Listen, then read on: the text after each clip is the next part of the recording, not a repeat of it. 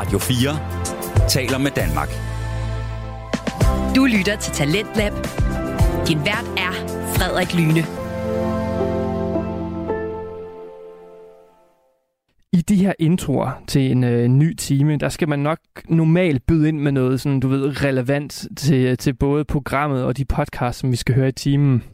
Men, øh, men eftersom jeg ikke lige ved, hvad det, er, hvad det skulle være, øh, så har min intro i stedet været den her metasnak om, om introer. Og derfor kan jeg sige nu, velkommen tilbage til Team 2 af Talenter her på Radio 4, programmet, som præsenterer til de bedste og mest underholdende fritidspodcast. Så den må snede den der. Den, den, den, altså, den, den, den kan man jo godt bruge, hvis man gerne vil... Øh, ja, man skal lave en intro, men man ikke ved, hvad introen skal handle om, så snakker om, at du ikke ved, hvad introen skal være, og derfor er det en intro. Altså det er sådan en lille, en lille, en lille genistreg, jeg lige gerne vil give videre. Men nok om det. Altså vi hørte jo i, øh, i, øh, i sidste time, altså øh, satirepodcasten Total Lokal med værterne Anders Mørk, Peter Jensen og Jonathan Bang Madsen, som blandt andet dykkede ned i nogle uh, lokale nyheder fra uh, Slagelseområdet. Og vi blev ikke færdigt med afsnittet i første time, så jeg synes egentlig bare, at vi skal, ja, jeg synes bare, at vi skal skynde os tilbage til aftens afsnit, hvor vi, øhm, hvor vi kommer ind til, til at de, her, de sammen med en gæst skulle til at rangere de her 10 bedste supermarkeders slogans i Danmark. Og der kan jeg altså godt lige afsløre, at min, min klare nummer et i, Altså det, det, det er Bilka. Altså det her ikoniske, hvem kan Bilka, der føler jeg ikke rigtig, at nogen andre kan slå den. Den er simpelt kort og lige til. Men lad os høre, hvor, hvor de har den henne. Her kommer Total Lokal. Men øh, jeg tænker bare, at vi skal starte fra bunden, for at gøre det lidt mere spændende. Det skal vi. Og øh, der har du placeret menu. Jeg har taget menu som en tiger. Jeg og kan, hvad, hvad skyldes det? det er, og skal vi måske lige høre sloganet? Sloganet. Spiser du bager, lever du bager. Ja, no shit, ikke? Uh, det kan du ligesom sige dig selv. Det er der totalt mange bøger derude, der siger, at det er ikke noget, de har fundet på som sådan. Ja. Så uh, totalt, derudover også kedeligt. Så en tiger. Mm. Ja, den, den giver lidt sig selv, ikke? Ja. Det må man sige. Det er jeg enig i. Så går vi videre til nummer 9. Det er øh, gode gamle Kvickly. Det er Kvickly. Det er sloganet frihed til at vælge.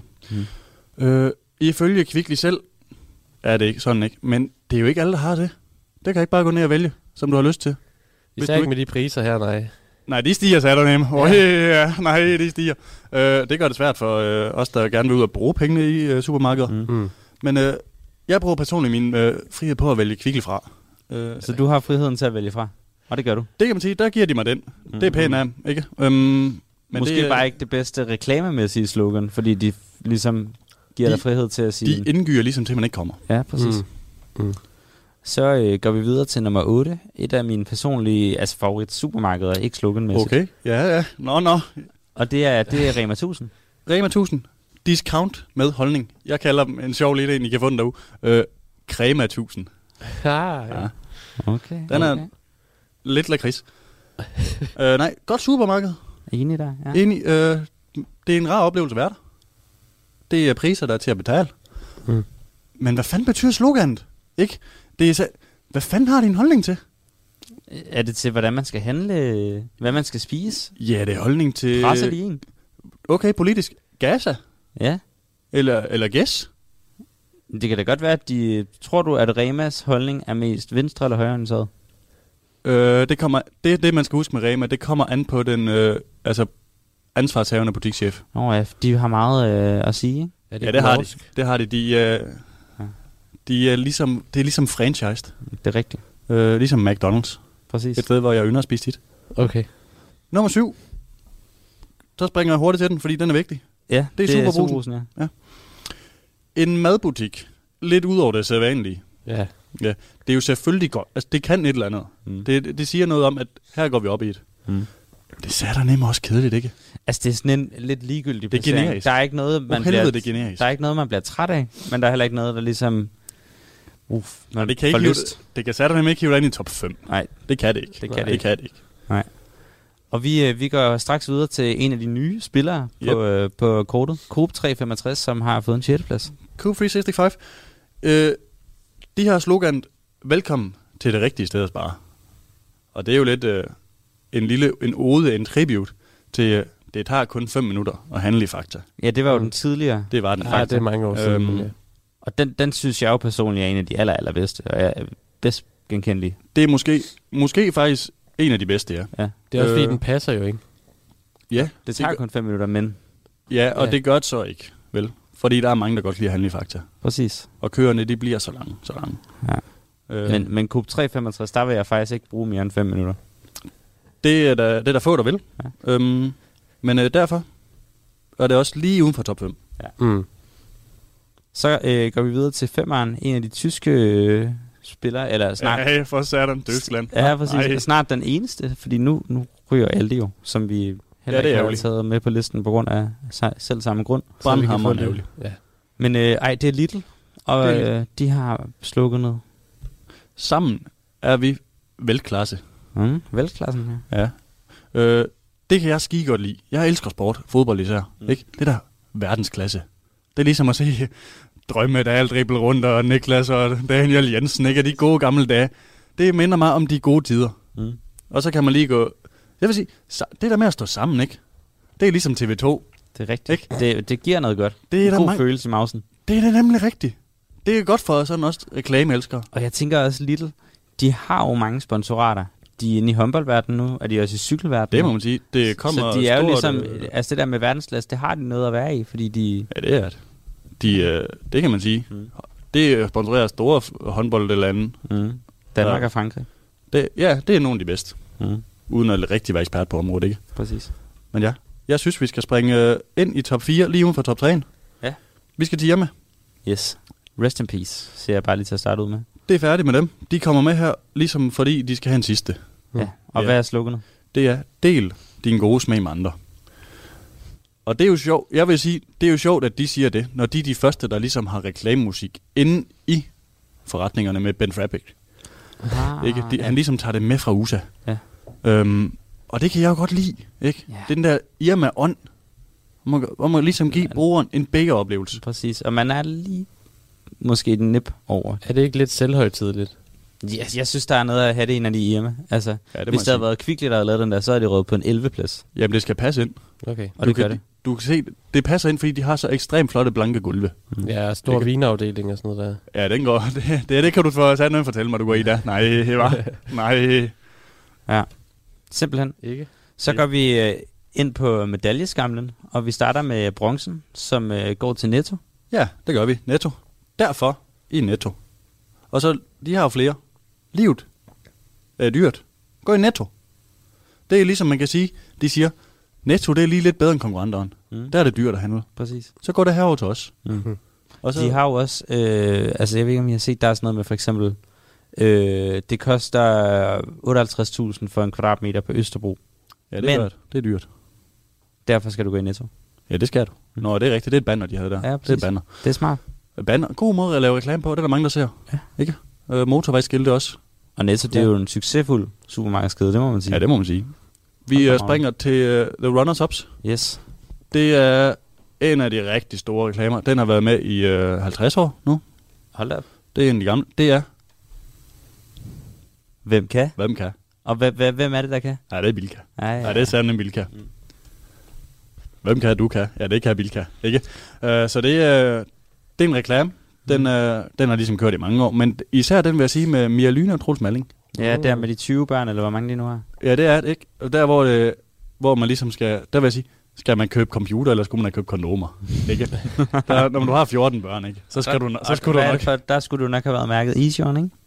Øh, det kan jeg ikke. Ah, okay. Jeg bruger selv uh, RFSU. De har godt glid. Øh, reklamerne for dem, de er gode. Fantastisk. Um, Du er virkelig en person, der bliver draget af reklamer, det kan jeg mærke. Ja, det må jeg sige. Øh, der er mange, der tror, at man ligesom skal gå udenom reklamer, fordi man er bange for at købe ting. Men du køber ikke noget, du ikke har lyst til. Det er rigtigt. Det er rigtigt. Men, Fantastisk. Så øh, nummer to til Bilka, og så bliver vi jo... Øh, Vi bliver i dansk supermarked. Selling, Selling Group har jo faktisk top, Top 3. top 3. Ja. Så er det sagt som det er. Vi skal til, vi skal til Føtex. Yes. Mit øh, personlige favoritsted at handle. Mm. Jeg har gjort lige siden jeg var et bed, ikke? Øh, Føtex, vi gør mere for dig. Ja. Mm. Og man det kan ikke i- lade være med at synge den. Nej, Det det er nemlig det. I sig selv Føtex er det jo er sej. et kedeligt slogan. Vi gør mere for dig. Men sangen, ikke? Ja. Ja. Den slutter af. Det er som, den slutter hårdt af. Ikke? Ja. Du, det er jo ud at handle nu. Præcis. Øh, sangen hører med, det giver point. Men så skal vi også lige huske Føtex. Føtesk. Hvad fanden var det Åh, for nej. en Pepsi Twist af et barn? Ja. Ikke? Godt, det er væk igen. Med en åndssvag Martin Høsted, der står og leger gul boksebold. Mm. Nej, det er dumt. Nej, det er sat nemme dumt. Det er en skamplet. Det er trist, at han ikke ligesom selv blev slået ud af den Ja, reklame. det er, at- lad os sige uh, på den måde, vi er nogen, der har givet ham nogle uh, verbale tæsk. Ja, Mm. præcis. Ikke? Så øh, nej, det, det var top 10 over slogans. Simpelthen. Fantastisk. Dejligt. Og, og der er jo et, et tydeligt mønster. Top 3 er Selling Group, så Ja, går vi er. videre til noget Coop, og så er der Det er noget godt. Little, Coop, Coop, øh, ja, så videre, så videre. Men øh, vi, skal, vi skal videre i programmet. Og øh, jeg ved ikke, er der nogen, der her på falderæbet vil have en øh, bestemt nyhed med? Ja, vi skal høre noget musik. Vi, øh, vi går direkte videre til, øh, til musikken i stedet. Og øh, der, der er en sjov lille historie til det nummer, jeg, øh, jeg har med i dag. Og det er jo, at vi er, øh, vi er under et, øh, en eksamensperiode, som øh, tager hårdt på os alle. Og derfor så var jeg inde på en øh, Vi Unge artikel, der hedder God musik at høre under eksamenslæsning. Mm. Ah, Der øh, sagde de bare, Vacation Alphabet, det er snart sommerferie, juhu. fedt. Der er mange. Vi deler lige den liste der, for den er fandme god. Ja, der er rigtig meget godt. Og øh, de kalder det et scrollehit. Så jeg synes bare, vi skal scrolle med herhjemme. Og så øh, sige tak, fordi I har lyttet med til, øh, til dagens program. Ja. Og øh, vi glæder os allerede til næste uge. Hvor, at, Hvor er vi øh, på ferie, så Ugen efter. yes, Ja. Hvornår den er. det er godt. Take it away, Stine Bramsen.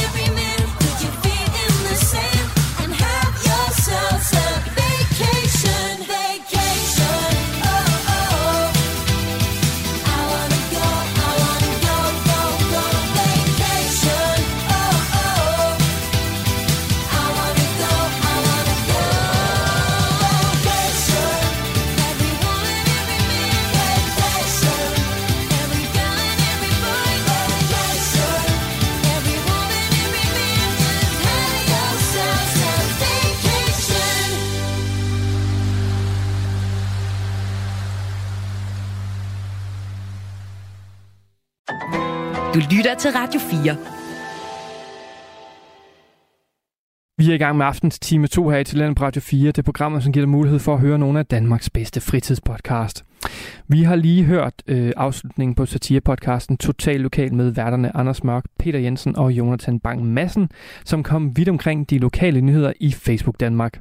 Og jeg havde jo Bilkas øh, slogan, hvem kan Bilka, som en klar etter, når det kommer til supermarkeders øh, slogan.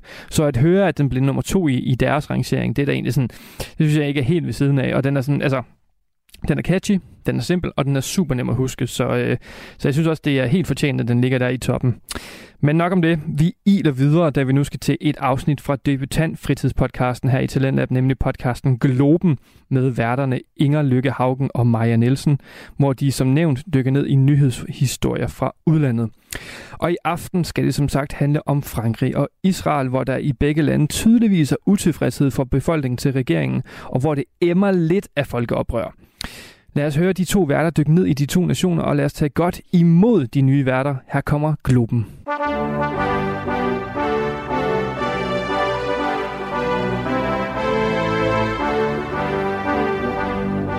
Hej og velkommen til første episode af podcasten Globen.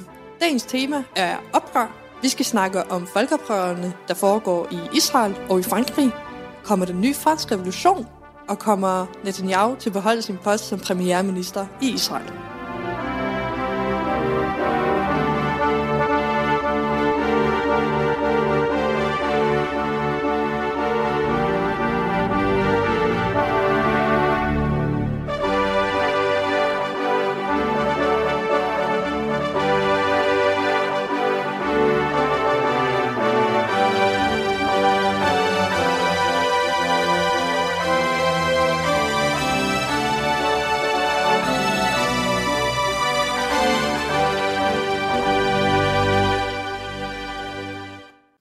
Og velkommen til podcasten Globen. Vi er en ny podcast fra Aarhus Danner Radio, og vi vil hver uge snakke om nyhedshistorie fra udlandet, som vi ønsker at gå i dybden med ud fra vores faglige baggrund i globale studier. Og mit navn er Maja, og ved min side her har jeg... Inger, hej. Inger. og vi er begge to studerende på Aarhus Universitet, og vi kender hinanden fra vores tilvalg i Addressing Global Challenges. Og her i første afsnit vil vi lige starte med at introducere os selv. Mit navn er Maja, og jeg har en faglig baggrund i fransk sprog, litteratur og kultur her fra Aarhus Universitet. Det er et fag, som handler meget om øh, Frankrigs historie, deres grammatik, øh, litteraturen, øh, men det, som egentlig har fanget min interesse mest, er det aktuelle franske samfund, og generelt kigge på øh, det franske perspektiv i det moderne Europa, men også Afrika er et kontinent, som jeg øh, interesserer mig rigtig meget for. Og så er jeg desuden også forkvinde i Europæisk Ungdom her i Aarhus. Det er en ungdomsorganisation, der snakker om EU. Øh, så der har jeg også et stort fagligt fokus, og kommer nok også til at snakke rigtig meget om Frankrig i den her podcast. Øh, Men det er også bare meget, meget godt. Ja, det er jo, det er jo et spændende land. Det er det sgu. Men øh, hvem er du, Inger? Jamen, mit navn er Inger. Jeg er jo fra et af de få lande i Europa, der ikke er medlem af EU. øh, så EU ikke, fylder ikke så meget i mit liv, som det gør hos mig. Men øh, ja, jeg er jo norsk. Det er min baggrund, så måske jeg kommer til at trække lidt mere på nogle sådan referencer fra nogen, der står uden for EU. Det kan jo blive spændende i løbet af den her podcast-serie. Men i hvert fald, jeg har en baggrund i idéhistorie, som man måske vil se på det som lidt et nichefag, fordi der er ret få, der ved, hvad vi faktisk laver, og vi er også ret få, der bliver uddannet inden for idéhistorie. Men samtidig så er idéhistorie et meget bredt fag, hvor man kan lave helt vildt meget. Og det er måske lidt paradoxalt. På idéhistorie så kan man dykke ned i alt fra meget svær og tung filosofi fra antikken og frem til moderne tænkere som Sartre og Nietzsche. Men jeg har nok valgt at gå en lidt anden vej. Øh, så mit favoritområde inden for idéhistorie, det er det, der handler om nutidig idéhistorie, og også mere moderne idéhistorie, som kan linkes op til politisk idéhistorie, retshistorie, og måske alt dem, man kan lægge inden for statskundskabelige øh, fagområder, øh, men så i en idéhistorisk kontekst. En tænker, jeg for eksempel vender ret meget tilbage til i løbet af min opgave på idéhistorie og projekter, det er Foucault, Michel Foucault, og det er jo meget passende for dagens tema, oprør mod staten, en analyse af nutidens oprør i Frankrig og Israel. Og Foucault er jo en, du nok kender ret meget til, eller i hvert fald noget til over for fransk. Ja, det er det. Det giver mig flashback til videnskabsteori fra første semester. Ja. så ja, øh, som sagt, så vil jeg give os lidt en dybere introduktion, eller en, øh, et dybere indslag til, hvad det egentlig er, der sker i Frankrig lige nu. Okay, Inger. Hvad ved du om det franske pensionssystem? Ingenting. Altså virkelig ingenting. Altså det, jeg måske har fået med mig nu her i medierne, er, at øhm, den er overraskende lav. Altså sådan den grænse, der er for, hvornår man går af med pension, øh, bliver jeg selv meget overrasket over. Og jeg tror, at der er sådan mange andre uden for Frankrig har haft det, hvor man tænker sådan, altså nu kan jeg ikke engang huske, hvad det er, om det er, når du er 64, eller sådan virkelig, virkelig lavt. For jeg har tænkt ja. sådan, at det er noget at blive så sur over, at man skal gå fra 62 til 64. og, men det kan jeg jo godt se, at folk Ja. bliver. Og jeg kan godt se, at Paris er fyldt med skrald. Mm. Og jeg kan godt se, at folk øh, de tænder fyr på det her og alt muligt. Men udenom det, så kan jeg ikke så vildt meget. Så derfor synes jeg, det er meget spændende, at det er det, du skal snakke om i Ja, dag. du havde nemlig helt ret i, at den, den hedder nu, at den er ved at blive hævet fra 62 til 64. Men det, som mange danskere, jeg, jeg tror, de kommer til at misforstå lidt, er, at det her, det er minimums pensionsalderen. Så du kan godt, eller franskmændene kan godt vælge at være længere på arbejdsmarkedet, øh, hvis de har lyst til det. For der, det hedder nemlig også det, at franskmænd skal have arbejdet i 42 år, inden man kan gå på pension. Nå, okay, ja. Så det betyder jo egentlig, hvis en franskmand skal gå på pension som 62-årig, så skal de være begyndt at arbejde som 20-årig. Det er meget tydeligt. Det synes jeg egentlig også. Den detalje er virkelig vigtig at forstå, at det er ikke særlig mange franskmænd, der kan gå på pension som 62-årige.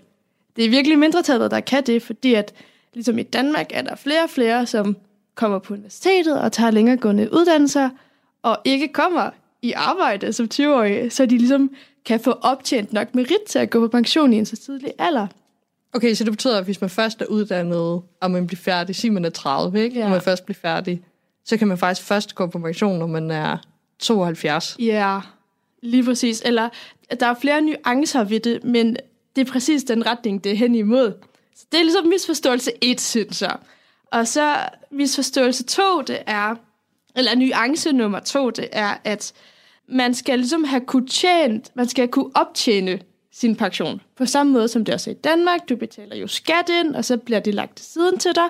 Det er det samme, der foregår i Frankrig. Øh, men det, man får udbetalt i sin pension, kommer an på det, man har tjent af sin løn okay. Igennem hele sit liv. Så man får udbetalt 50% af sin indkomst i de 25 år på arbejdsmarkedet, hvor man har tjent mest. Altså, men jeg stiller spørgsmål Ja. indtil det her. Ja. Og det er jo det der med, at jeg godt kan se, at øh, Frankrig er jo et meget mere klassedelt samfund, Mhm. mm-hmm. end det, man har i Danmark. Meget en kæmpe stor underklasse, som man ser uden for Paris. Mm. Rigtig mange, der bor i meget slitte blokke, og som har virkelig lave lønninger, Ja. og virkelig lidt uddannelse. Og jeg har godt hørt lidt i medierne, at det ligesom er dem, det her rammer meget hårdt. Ligesom med de gule veste, at det er mm-hmm. arbejderklassen, der igen bliver fattigere, og det her ikke vil ramme så hårdt de øvre klasse, og dem med meget lang og meget svær uddannelse og meget, meget høje lønninger. Altså, hvad tænker du om det? Er det det, der ligger i det her? Jeg tænker, det er helt præcis det, der ligger der. Altså, hvorimod at i Danmark, pensionen øhm, for alle er mere lige, den afhænger ikke direkte af, af sin løn, øh, så ser man jo netop i Frankrig, at hvis du på en måned øh, tjener 90.000, altså fordi du, du er big city eller noget, en eller anden company, så får du også en meget, meget højere pension, end en, som har tjent øh, 20.000 per måned. Øh, så ja, lige præcis her kan man se, at det rammer so- øh, socialt skævt for virkelig, virkelig mange mennesker, og at det egentlig også kommer an på, hvor mange år man arbejder. Så det betyder, at dem, som er universitetsuddannede og måske bruger meget af deres arbejdsliv på at sidde ned og tage tal ind på en computer, og ikke har så nedslidende et arbejde, de kan jo arbejde længere end folk, som arbejder i industrien, har noget hårdt fysisk arbejde, og det betyder så også, at de kommer til at miste nogle penge. Fordi de måske ikke kan holde de der 40 år. Var, ja, lige var det præcis. før? Ja, Ja. Så det der med, at de måske, så får de en slitage i ryggen, mm-hmm. og så skal de gå af efter 35 år, Jeps. og så har de pludselig tabt ja mange penge på det. Nemlig. Så får man ikke fuld pension. Så der er jo nogle mennesker, der er nede at få 40 procent af deres samlede løn udbetalt, i stedet for de der 50 procent, som nogle mennesker gør. Så der var virkelig mange faktorer, der kommer an på, hvor mange penge de får udbetalt, Så du Og- har haft en lavere lønning i løbet af dit liv, mm-hmm. og du bliver nødt til at gå af tidligere, fordi dit arbejde er meget hårdt, og så får du så bliver du ligesom straffet Yes, ved få præcis. endnu lavere Nemlig. pension igen. Ja. Ja. Lige præcis. Og de højt uddannede, der ikke har haft særlig fysisk nedslidende jobs, er dem, der får de høje pensioner. Og så har jeg bare hørt en anden ting, og måske du sådan kan hjælpe mig lidt med at forstå det, mm. men øh, det var et eller andet med, at Frankrigs pensionssystem også er bygget op efter, at det ligesom er dem, der er på arbejdsmarkedet lige nu, der betaler pensionen til Ja. ja. dem, der er på pension lige nu. Mm. Og når man ser fødselstallerne gå ned, og vi bliver ældre og ældre, men vi, altså der er færre, der bliver født, færre, der kan betale ind til den der pot, så bliver man også nødt til at skære i pensionen, altså hvor mange penge. Er det det, der sker lige nu. Ja, det er lige præcis også det, der sker. Altså, hvorimod i Danmark er det lidt sådan, man lægger ligesom sin egen penge til siden til sin pensionsopsparing, og så får man sine egne penge ind igen. Så det, der sker i Frankrig, er, at det hele bliver trykket over skatten. Det er faktisk sådan, at 14 procent af hele Frankrigs BNP bliver brugt på pension. Non.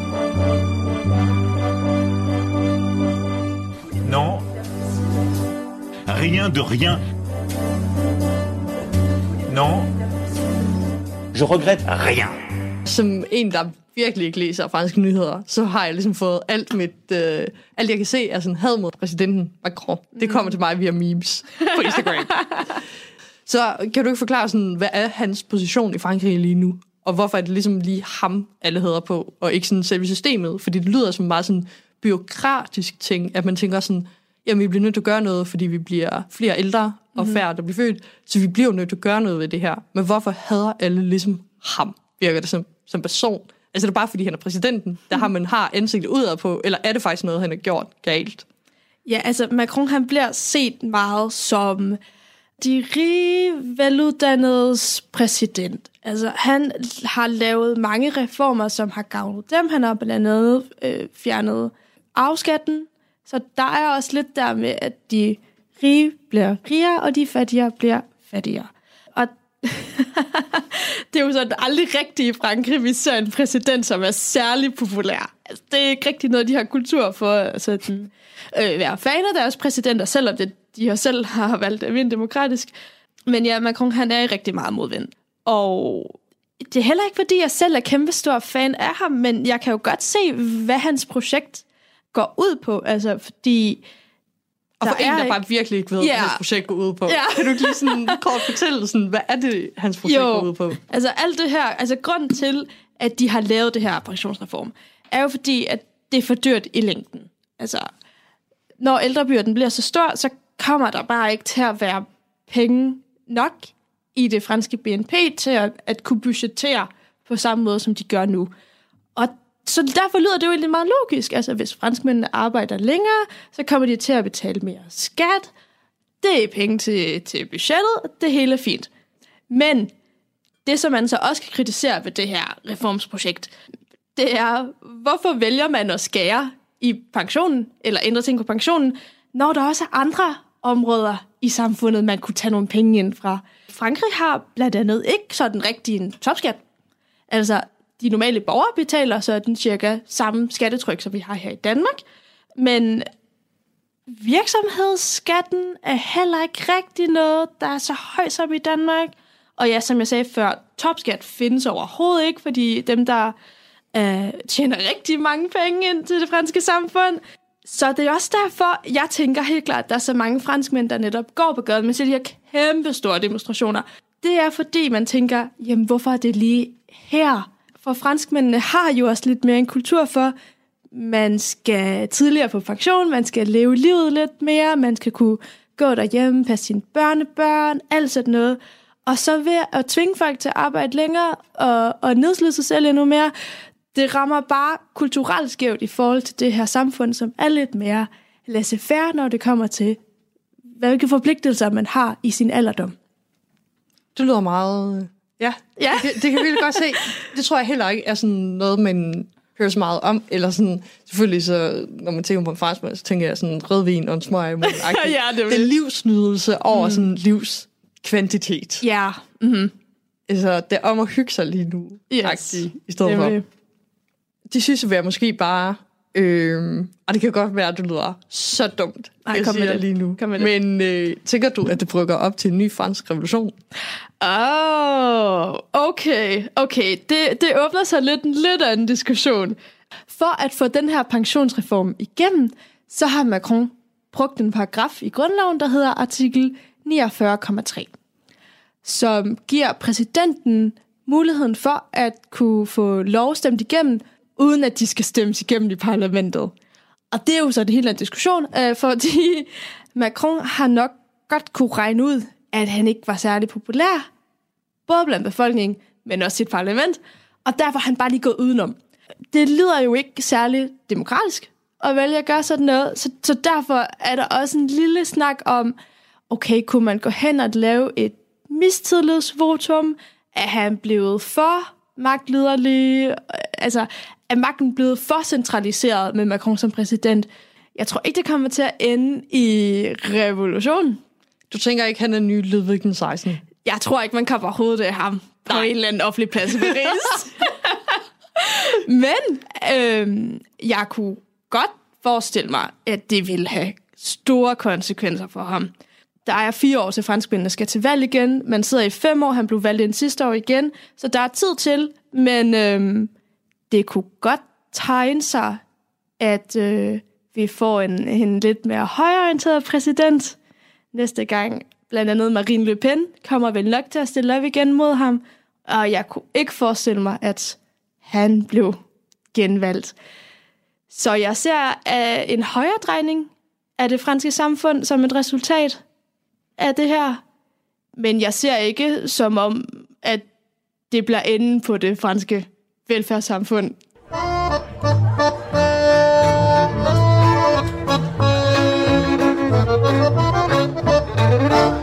Altså, nu skal vi til Mellemøsten. Måske til det mest vestlige land i Mellemøsten, mm. så vi rykker os ikke så langt fra det autensiske. Vi holder os lidt i den verdensdel i dag. Forhåbentlig så bliver lidt mere bredt efterhånden. Men ja, vi skal til Israel, og uh, det er lidt en brandbom. Ja, det er det. Det er lidt farligt. Det er det jo lidt altid, men især nu, ja. de sidste par uger. Ja, og man skal virkelig træde forsigtigt, også nogle gange, når man snakker om det, fordi det er meget, folk kan være meget uenige om Ja. Mellemøsten og hele den der halløj dernede. Men det er ikke rigtigt det, jeg ønsker at snakke med i dag. Øh, selvfølgelig så kommer konflikten til at ligge som et øh, bagtæppe igennem den her samtale, og det kommer helt sikkert til at blive nævnt, men det er ikke konflikten primært mellem Israel og Palæstina og Vestbredden og Gaza og Libanon og alle de lande. Det er ikke lige det, vi skal snakke om lige nu. Nej, det er sådan intern i Israel. Det er nemlig det, der Ja. er meget, meget spændende. Altså, Israel er jo et land, som vi her... Altså, jeg føler, man tænker, at Israel er sådan et okay vestligt land. Ja. Et okay sådan demokratisk land. Okay sikkert, foruden om, at det nogle gange kommer Ja, nogle missiler over. præcis. Jeg har selv været dernede. Jeg har selv været på Vestbredden. Det er også en ting, jeg tænker er meget vigtigt, at jeg nævner, mm. er, at jeg nok også er lidt præget af den her konflikt selv, fordi jeg har været øh, primært over på Vestbredden. Primært blandt palæstinenser, men jeg har også set det fra israelernes side. Mm-hmm. Men det, der er meget spændende med det, der sker i Israel lige nu, er, at det faktisk er en indre konflikt. Fordi tit, når man øh, tænker på Israel, og man hører om Vestbredden, og man hører om alt, der sker i Mellemøsten, så tænker man tit, at... Øh, eller man tænker ikke, man hører ligesom kun om, at nu er der skudt nogle missiler fra Gaza over Israel, eller der er skudt noget fra Israel over i Gaza eller på Vestbredden, og der er nogle palæstinenser, der er blevet skudt og dræbt, og der er settlements, og der er alt, der sker dernede. Men lige nu, så er det jo faktisk en indre konflikt, der brygger op i Israel. Og det kommer faktisk af, at Netanyahu her tidligere i år, så introducerede han et nyt lovforslag, der betyder, at han vil indskrænke autoriteten til landets højesteret. Ja, okay. Og med det, så ønsker han også at give regeringen meget større mulighed for at udvælge de dommere, de gerne vil have ind i højesteret, som så er med på at godkende lovforslag. Og han vil også indskrænke højesterets mulighed for at annullere og fjerne love, som øh, ligesom regeringen gerne vil have ind, eller som regeringen har fået sat ind. Okay, så han kan få sine venner ind i ja. højesteret, og så sige til dem, I skal dømme efter, hvad jeg siger. Ja, det kan han. Okay. Altså, han bliver mere autoritær. Det betyder, at man mister den her lidt øh, tredeling af magten, mm-hmm. som er meget, meget vigtig, og som jeg som idéhistoriker har haft rigtig meget om, og som de aller, aller fleste, der lytter til, helt sikkert også kender til. Men øh, en lille recap på, hvad en tredeling af magten går ud på. Og det er, så skal vi faktisk hele vejen tilbage til det 17. århundrede. Og det er der, man får magtdelingsskillslæren, eller sådan det der første begreb om uh, magtfordeling. Og den første, der ligesom begynder at snakke om det her, det er John Locke. Han tager ligesom op det der med, at man skal få en tredeling af magten, eller han starter faktisk ud med en fjerde, man skal have en firedeling af magten. okay. Og så er det Montesquieu, der sådan ligesom spinner videre på det her, og det er ham, der ligesom kommer til sidst med de definerede tre delinger af magten, og selve magtfordelingsbegrebet stammer også fra ham. Og der har vi jo så, som rigtig mange kender, nok øh, den lovgivende magt, og det er ligesom de folkevalgte, og de folkevalgte er jo så valgt af folket. Mm-hmm. Det er meget vigtigt. Så har man den uddøvende magten, og den ligger hos Montesquieu, så ligger den hos kongen, men i dag så ligger Ja. den hos regeringen. ja. Og så har man domsmagten, og den skal så ligge ved en domstol, som han mente skulle være sammensat af personer, der var valgt ved lodtrækning, Okay. og de heller ikke skulle sidde så lang tid. Og det er sådan lidt sådan, vi har det her i Skandinavien. Altså, jeg er ikke 100% sikker på, hvordan man bliver valgt ind i højesteret her, men der er fald en meget mere demokratisk måde at gøre det på, end for eksempel så som i USA, hvor Ja. man har det, at præsidenten jo faktisk vælger, hvem der skal sidde der. Og det er jo det der kæmpe meget halløj, der skete efter Trump og USA, hvor han fik ind nogle meget højere konservative ind, og de kan sidde hele livet. Ja, man, man ser vel indtil man dør. Man sidder indtil man dør, Ja. ja. eller man selv vælger at trække sig. Men det er jo ingen af dem, der gør. Altså, Nej. de, de dør som sådan 85-årige. Og det betyder, at der er nogle meget, meget gamle mennesker, der måske ikke er i kontakt med den verden, de skal ligesom give lov til. Og de er tit meget veluddannede, meget hvide, meget mænd, og nu også meget konservative. Ja, det er vel det, vi har set ved abortrettighederne i USA. Ja, Ja.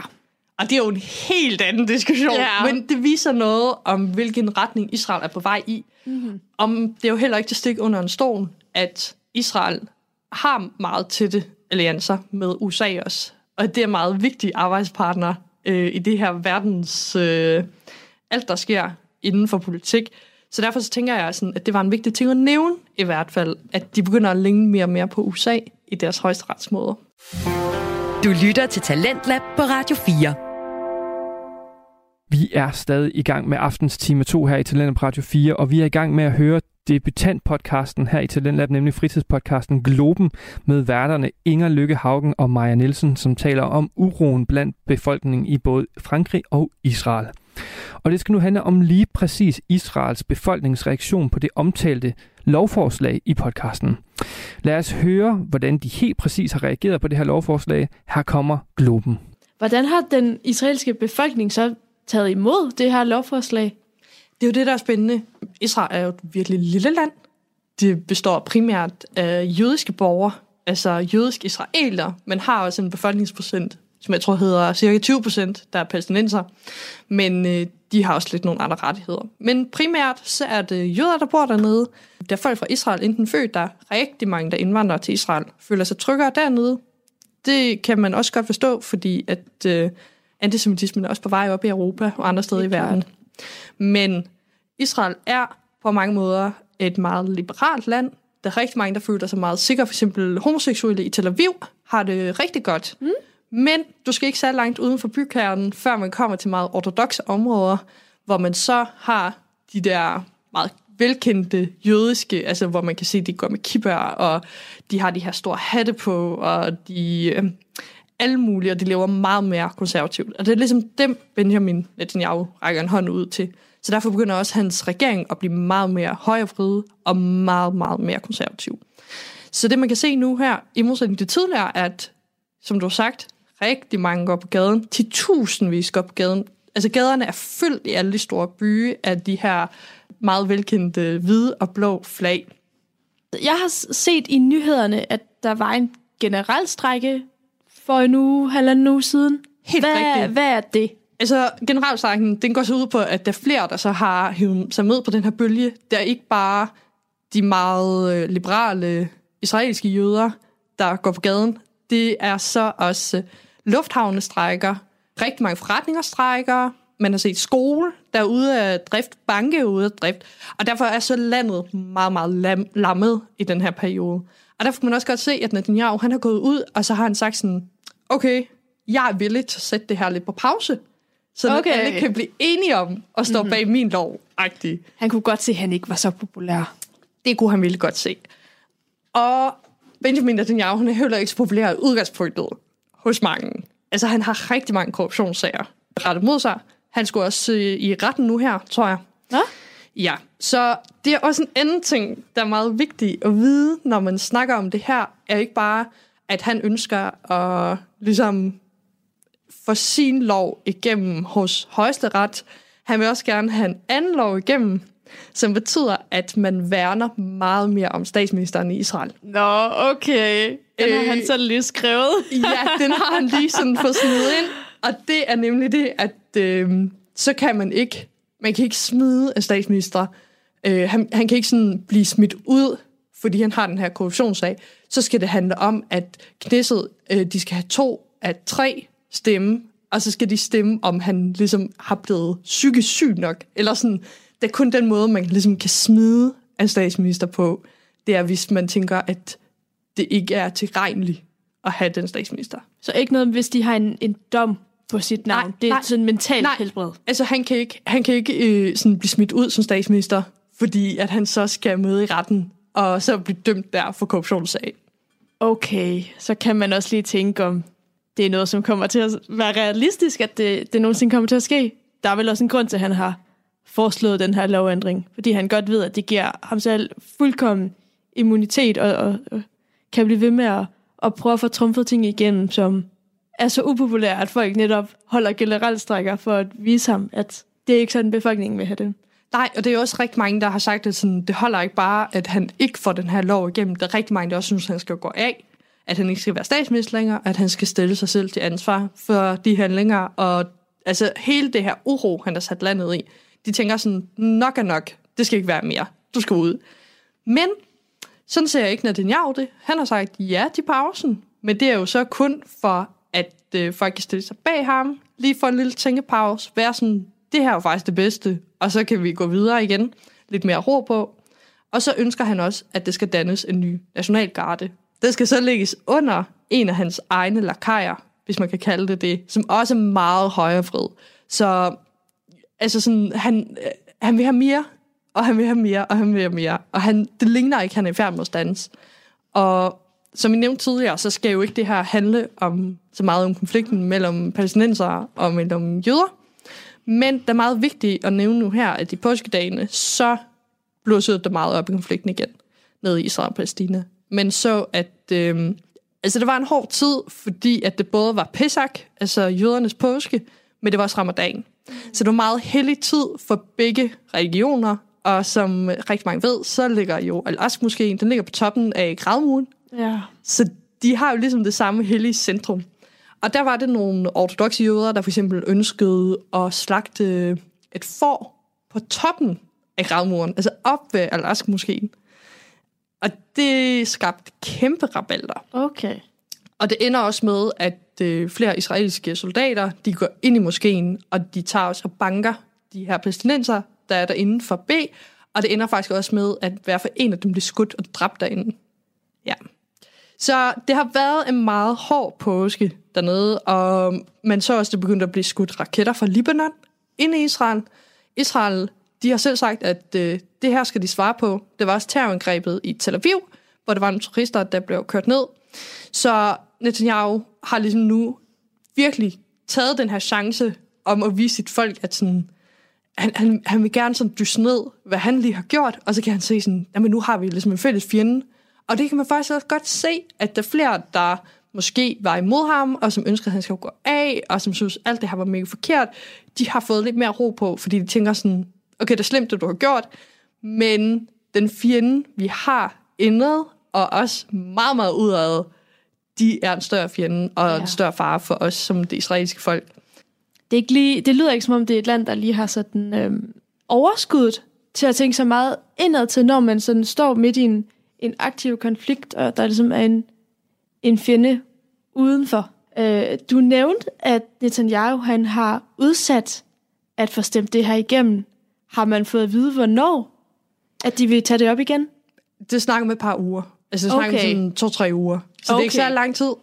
Så derfor bliver det meget spændende at se også, hvad der udvikler sig i den her meget nu varme, varme konflikt mm. mellem Libanon, som man mener måske har noget Iran i ryggen, og hvor man også har folk på Vestbreden og Gaza. Altså vi får se, hvad der sker fremadrettet nu. Om det kommer flere reaktioner, om de så vil begynde at skyde mere mod Gaza, om de vil begynde at skyde ind mod Vestbreden, om de... Og det er det mange, der er lidt bange for, at de måske også vil begynde at skyde mod Libanon. Okay. Så man får se, hvordan han ligesom håndterer den her konflikt, men meget tyder på, at for ham var det meget heldigt, at de her ting skete nu her. Altså faktisk meget godt for ham, at det blev mere uro, fordi så vil folket stå med ham alligevel. Så det var gerne det, jeg ønskede at komme med fra Israel-Palæstina-området lige nu. Virkelig spændende. Meget, meget spændende, og jeg synes også, det passer meget sammen. De her Ja. to sager, de minder meget. Vi har en statsminister, en premierminister, en præsident, altså en statsleder, der gerne får nogle nye love igennem, altså øger deres eget magt, Ja. går lidt imod sit folk, meget imod sit folk. Nok til folk Kæmpe går på, demonstrationer. går på gaden i millionvis. Ja, altså sådan mange tusinder af mennesker, der er ude at demonstrere, og at også landene bliver lammet. Altså Paris, intet ja. skrald, der bliver hentet. Ja, præcis. Tel Aviv, intet fly, der letter eller lander. Altså sådan, landet er ret lammet. Og derfor så tænker jeg sådan videre, altså, Maja, hvad tænker du om den retning, den vestlige del af verden tager? Fordi, som vi begge to har nævnt, er jo, at begge de to her er meget højre konservative, men ser, at det bliver endnu mere drejet mod højre. Altså, hvad tænker du om det?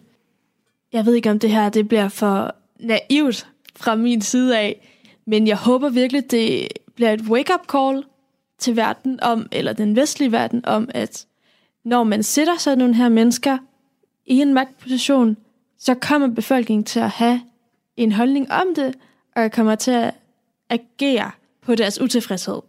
Jeg ved ikke, om det er realistisk at se det på den måde, men, men måske er det også, fordi man sidder her i Norden, og man, man drømmer om et lidt mere øh, lige samfund, hvor at de demokratiske rettigheder vejer mere, end at man skal bare kvære nogle lov igennem. Øhm, Og måske også det der sådan lidt, at vi kommer fra nogle meget sådan socialdemokratiske lande, hvor man vægtlægger meget velfærdsstaten. Ja. Og som jo siger sådan lighed. Lighed for loven.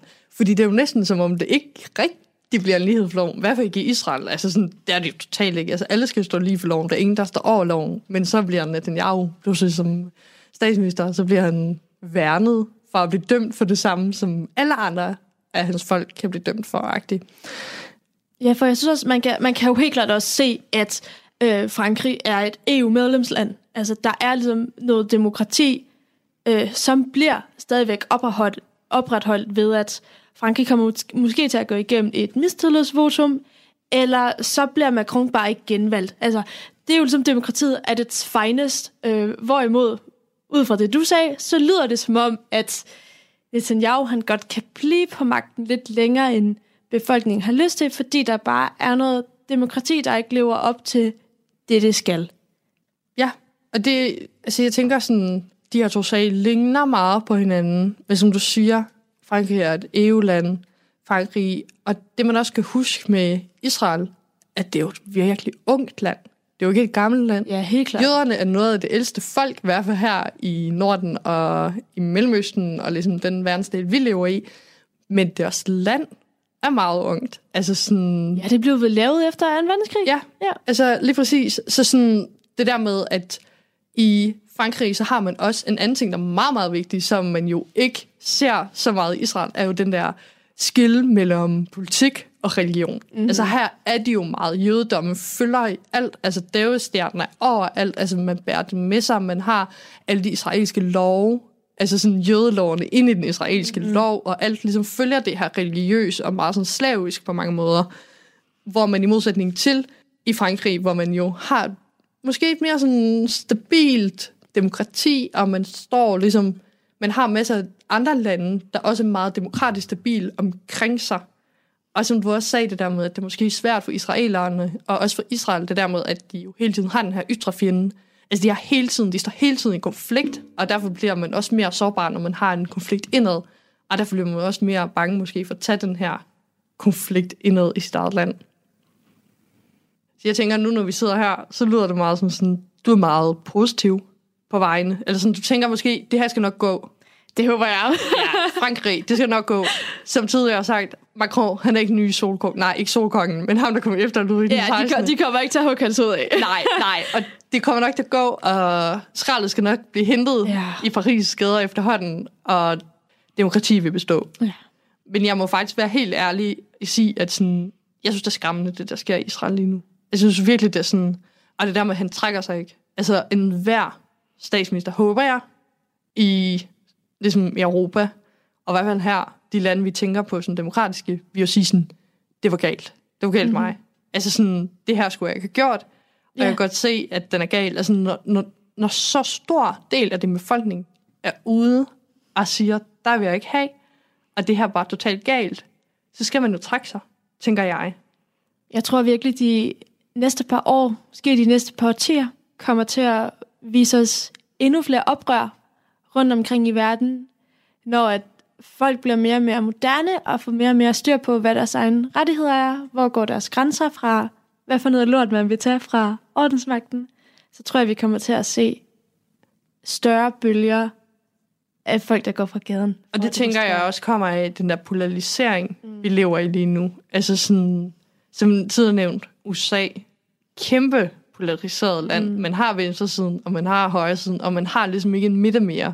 Altså det er de to fløje, man kan stå på. Og som tidligere nævnt, højre radikale, altså sådan konservative, også på fremmars, i hvert fald i Europa. Helt klart. Og man kan se, at sådan, ja, det bliver sværere. Det er flere, der mener, at de har ret. Det bliver en mere sådan skil mellem folk, og når man måske også har været vant til at leve i nogle meget demokratiske lande, meget sådan i land, hvor ting det bare fungerer, og man ikke selv har kunne mærke en uretfærdighed, så har man måske tænkt sådan, jamen sådan er verden bare. Men vi er nødt til nu efterhånden vågne op og tænke, at demokratiet er ikke bare noget, man har fået og blevet givet. Det er virkelig noget, man selv har taget. Altså det er taget med magt, og det er noget, man skal kæmpe for, og det er noget, man virkelig skal værne om, og man skal være meget, meget bevidst om, at det skal så lidt til, før det forsvinder igen. Så det, jeg hører, det er, vi skal bare i gang med nogle flere revolutioner. Flere revolutioner. ud på gaden. Altså jeg støtter alle dem i Israel, der Ja. går ud, selvom man måske ikke er enig politisk om alt, så tænker jeg, det er mega fedt, at folk går derud og råber op, sig ifra, når du mener, at du bliver udsat for uret. Altså, måske ikke sætte ild til skrald øh, ved nogle gamle værnede bygninger i Paris, men altså virkelig sådan råb op Ja. og sige, at nok er nok. Tusind tak for at lytte med til vores første episode af Globen Podcast. Vi er super glade for, at I lyttede med. Og øh, vi er tilbage i næste uge, Ja. hvor vi har to nye emner med fra verdenssituationen, så vi giver jer en update på. Ja, og det kan vi desværre ikke give en preview på, for jeg ved ikke, hvad vi bliver nu. Øh, altså, nyhedsbilledet ændrer sig hele tiden. Du lytter til Radio 4. Du lytter til Talentlab her på Radio 4, og ja, vi er, øh, vi er så småt ved at være ved enden på, øh, på aftens program. Vi har lige netop hørt øh, afslutningen på den her debut fritidspodcast Globen med værterne Inger Lykke Haugen og Maja Nielsen, som talte om den uro og øh, utilfredshed, der er i befolkningen i både Frankrig og Israel. Og jeg vil sige, det var sgu da en meget god debut egentlig. Altså sådan lige lidt øh, global politik, uro og drama i betændte nationer med henblik på, fuli, på mulige folkeoprør.